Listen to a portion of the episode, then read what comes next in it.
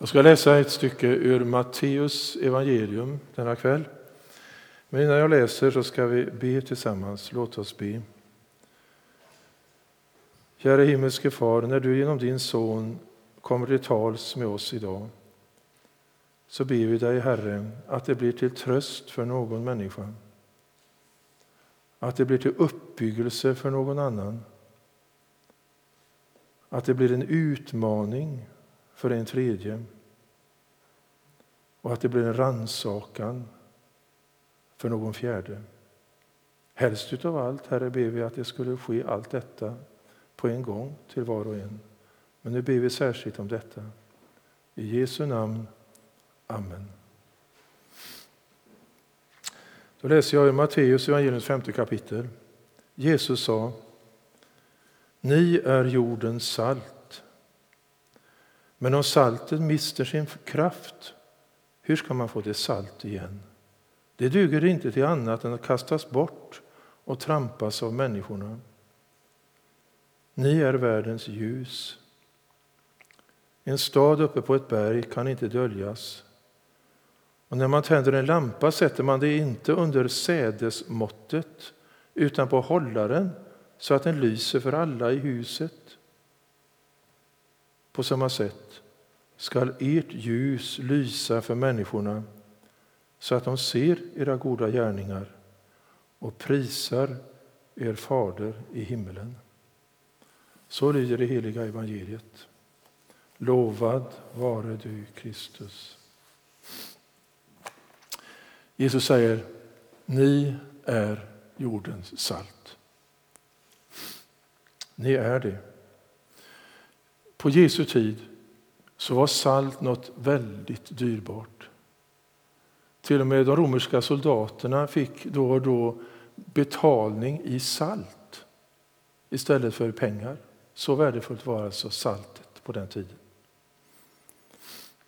Och vad säger Jesus med det? Jo, han säger att du är värdefull för den värld som du lever i.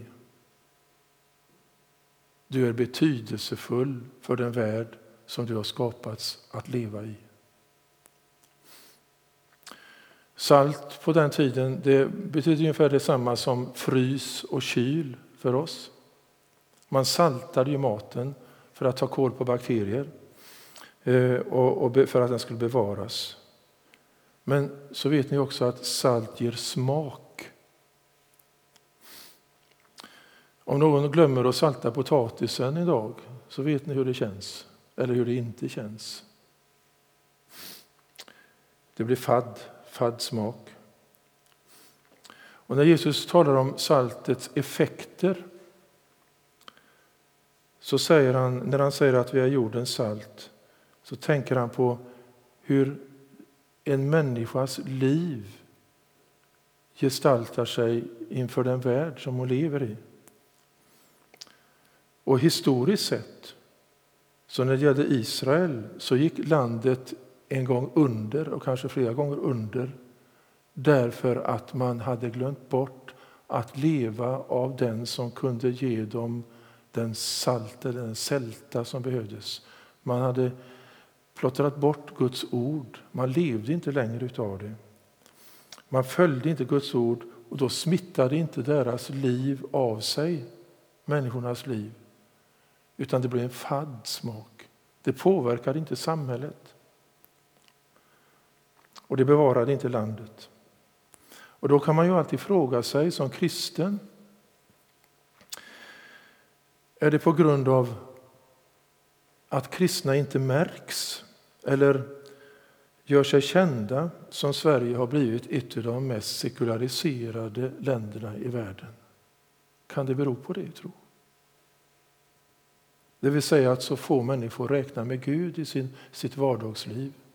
Kan det bero på att många har lämnat Guds ords påverkan och därför har man inget att ge till denna värld? Få människor vittnar om honom och man går där och håller tyst om sin tro. Så att hellre än att förändra den världen som man lever i så förändrar världen människorna, en själv. Man vill ju ibland vara så väldigt populär Och då kanske man tar avsteg ifrån Guds ord. Jag kommer att tänka på någon som sa en gång så här, inte kunde jag tro att du var kristen. Och då hade man kanske jobbat tillsammans i 20 år. Du, du verkar ju helt normal och vanlig. Och då börjar ju den personen skämmas egentligen. Vad är det som har kommit ut ur mitt liv? Och ibland så hör vi att vi måste sänka trösklarna, sänka trösklarna och höja taket, eller, eller vad det är man säger. Sluta, ibland så hör man i massmedia slut, kyrkan får sluta tala om synd och skuld och helvete och vad det nu är som man tror att kyrkan talar om jämt. Vi måste göra det. Betyder det då att saltet kastas ut och kastas bort och mister sin sälta och trampas ned då, som Jesus säger? Jag tror att det är viktigt att man i sitt liv som kristen ber om att få möjligheter att göra Jesus känd i den miljö som man lever i. Och att be om någon slags förmåga att göra människor förväntansfulla på det liv som man lever. Och kanske också be om att, att vi inte utstrålar tråkighet och gnäll utan att man på, på olika sätt visar att det är häftigt, alltså, om man får använda ett sådant ord, att följa Jesus. Att ha honom som Herre. För innerst inne så är det ju det. Det är välsignat kan man säga. Så det man kan be om att Herre, hjälp mig så att jag, jag kan förmedla något som människor blir törstiga på kristen tro. Har ni ätit popcorn utan salt någon gång? Har ni gjort det? Mm. Hur smakar det? Hur känns det? Och har ni märkt hur törstig man blir om man har saltat rejält på mycket popcorn. Har ni märkt det också? Ja. Eller salta jordnötter, vad man blir törstig efter det. Och det är precis detta som Jesus menar då.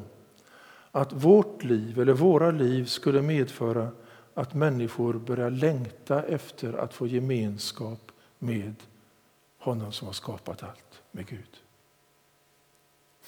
Det var det ena, det var saltet. Vad var det med Jesus sa? Jo, han sa, ni är världens ljus. Världens ljus. Nu säger ju Jesus att han är världens ljus.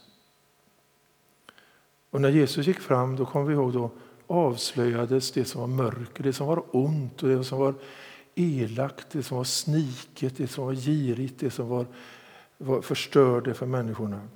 När Jesus gick fram så avslöjade han det onda och han helade människor. Och han förlät dem deras synder. Så, och de fick hopp och han gav dem tro. Och därför så följde skarorna honom väldigt många och har gjort efter det. Och det vet vi ju alla hur svårt det är att orientera sig i mörker. Om det är kolsvart, vad, vad svårt det blir då. Men plötsligt kommer något ljust över och då hittar man vägen. Och det finns många som jag vet som har sagt att när Jesus kom in i min tillvaro, i mitt liv, då var det ungefär som jag hade fått nya ögon och såg, se mig. Jag såg på Guds skapelse. Vad fantastiskt allt var som, som Gud har skapat. Plötsligt upptäckte jag det. Det var som en gardin hade ryckts upp, var det någon som sa en gång. Ungefär som jag var blind och så säger man nu kan jag se igen. Och till och med förstod jag, var någon som sa en gång, att de där jobbiga, besvärliga människorna också var älskade av Gud, som jag. Och Det var en revolutionerande upptäckt hos mig. Ni kanske kommer ihåg att det var en tid i Europas historia som heter upplysningstiden. Och den ledde ju fram till att eh, allt det här som inte alls är dåligt, alltså med vetenskapliga teorier och allt sånt där, att, att det som var verkligt sa man då, det var bara det som kunde mätas och vägas och, och granskas med människans olika sinnen. Någon sa det att det var då som mörkret gick ner för världen när upplysningstiden kom. Lite humoristiskt kanske, men det ligger nog en, en sanning i det också. Det, det som var, man tänkte att det som man inte kunde mäta och räkna och väga och analysera, det fanns inte. Nästan, så var det. det skulle, man skulle bevisa allting efter det. Men hur, hur mäter man kärlek egentligen? Hur bevisar man kärlek? Har ni tänkt på det? Går det att bevisa?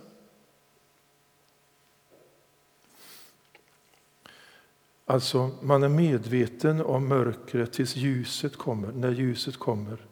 Det som är falskt och det som är orätt. Och Jesus är världens ljus. På Jesu tid så kallade man de lärda, de som kallades för rabbi. Det var några stycken som man kallade för världens ljus, eller universums ljus till och med. Det var en som hette rabbi Juda och en som hette rabbi Johanan. De kallade man för universums ljus. Tänk då, de kanske stod vid hörnet någonstans borta vid Jesus. Och så säger Jesus plötsligt och tittar på sina lärjungar och så säger han Ni är världens ljus. Och ni kan ju tänka er vad de här rabbierna tänkte och de folken som höll de här rabbimännen högt tänkte. Några bönder och några fiskare märkta av vind och hav. Är de världens ljus?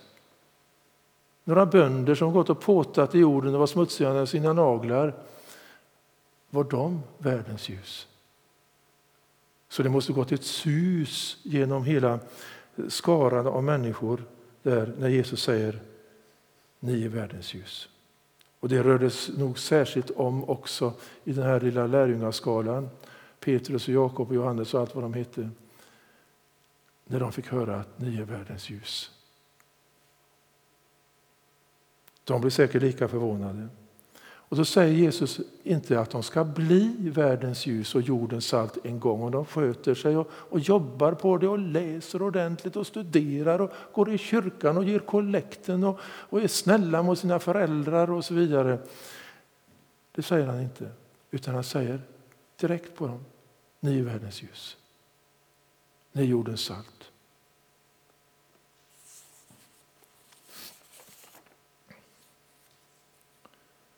Och Han säger inte heller att ni kanske är det, utan han säger ni är världens ljus. Vad betyder det? Jo, det betyder att en människa som lever av Jesus, en människa som lever nära Jesus, en människa som tar emot honom och som han får ha insteg i, den människan är en reflex utav Jesus. Det är inte hon själv som framställer sig som världens ljus utan det är Jesus i dig och mig och de andra som gör att en människa är världens ljus eller jordens salt. För det kan ju bli som ett krav det här. Ska jag vara världens ljus och jordens salt? Nej, men det är en reflex utav Jesus. Och det innebär ju att jag inte behöver vara som alla andra utan jag får vara en unik liten Jesus. Vet ni det förresten att det ordet kristen betyder en liten Jesus, en liten Kristus?